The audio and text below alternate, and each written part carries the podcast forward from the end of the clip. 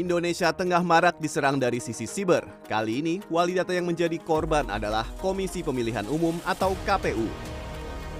Peretas dengan nama akun Bejorka kembali beraksi. Sebanyak 105 juta data pribadi masyarakat Indonesia ditawarkan dengan harga 5.000 dolar Amerika atau sekitar 74,4 juta rupiah. Jorka menjelaskan data yang dijual berupa NIK, nomor KK, nama lengkap, dan alamat domisili. Menanggapi kasus tersebut, Komisioner KPU Betty Idrus melalui keterangan tertulis menyatakan bahwa data tersebut bukan berasal dari KPU.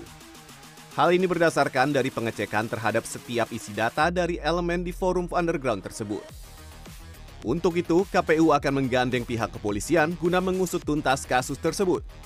Sementara itu, pakar keamanan siber Ardi Suteja meyakini jika data itu memang milik KPU kalau kemarin bicara bocor di KPU saya sih nggak heran. Ini kan masalah lama. Bocornya udah lama.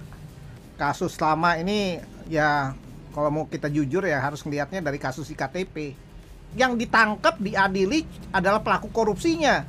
Tapi data yang bocor itu gimana? Yang data disalin itu siapa yang sekarang menguasai? Kalau namanya data disalin kan berarti bisa digandakan.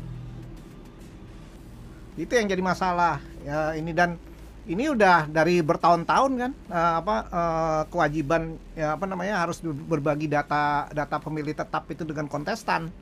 Nah, ketika uh, data itu dibagi dengan kontestan ya, kita kan nggak tahu dibaginya dalam bentuk apa.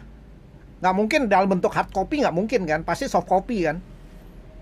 Uh, sekian banyak ya. Uh, kedua, nah siapa yang bisa menjamin soft copy-nya tidak digandakan oleh kontestan? Tidak ada kan? Dan tidak ada mekanisme uh, keterbukaan ya transparansi untuk mengaudit, memeriksa, nggak ada. Lebih lanjut, Ardi Suteja menjelaskan, jika dikaitkan dengan agenda politik dan demokrasi, data pribadi yang bocor bisa digunakan untuk mengarahkan dan memanipulasi pandangan politik seseorang. Ardi mencontohkan kasus Cambridge Analytica dan Brexit. Dan hanya perlu tiga, tiga elemen yang kita sebut dengan PII ya. PII itu singkatan dari personal identifiable information atau data pribadi ya. Itu hanya tiga. Nama lengkap sesuai dengan akte kelahiran ya. Alamat domisili sesuai dengan kartu tanda penduduk ya. Dan satu lagi adalah terkait dengan nomor induk pendudukan atau kalau di Amerika itu disebut dengan SSN Social Security Number. Tiga itu ada cukup mereka sudah bisa masuk ke berbagai tempat di mana yang menyimpan data-data lebih lengkap ya lebih dari tiga itu tiga tiga data itu saja sudah memungkinkan bagi seorang peretas ya kelompok peretas atau mereka yang memang punya agenda besar ya di dalam uh, apa uh, kita nggak tahu agendanya dia bisa udah melakukan profiling dengan uh, hanya bermodalkan tiga unsur data tersebut. Sebagian kasus peretasan yang terjadi akhir-akhir ini banyak menimpa lembaga pemerintahan. Hal ini menimbulkan pertanyaan, mengapa lembaga pemerintahan justru terlihat lemah dalam hal keamanan siber? Secara umum, sebenarnya BSSN telah mengeluarkan pedoman teknis, yaitu Peraturan BSSN Nomor 4 Tahun 2021 mengenai standar pengamanan sistem informasi instansi pemerintah.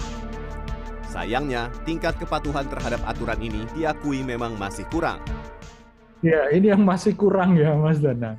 Ini yang masih kurang gitu kan, uh, dipatuhi oleh eh, teman-teman uh, gitu ya di di apa organisasi-organisasi. Makanya BSSN selalu mengharapkan untuk uh, hal ini dipatuhi gitu ya, karena kondisinya kan seperti ini gitu kan.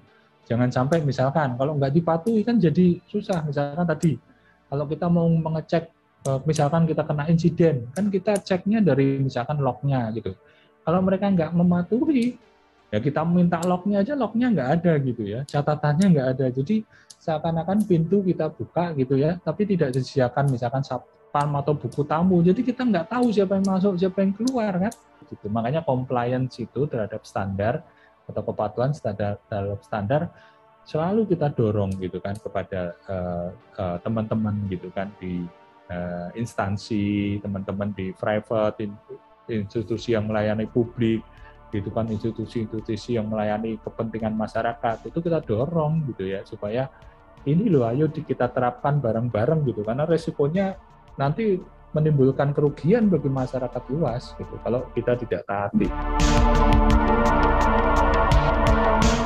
Saat ini Indonesia tengah menanti pengesahan RUU PDP yang dikabarkan telah selesai dibahas oleh DPR. Diharapkan aturan baru ini akan mampu membentengi kita dari maraknya kasus peretasan data pribadi. Tim Liputan CNN Indonesia, Jakarta.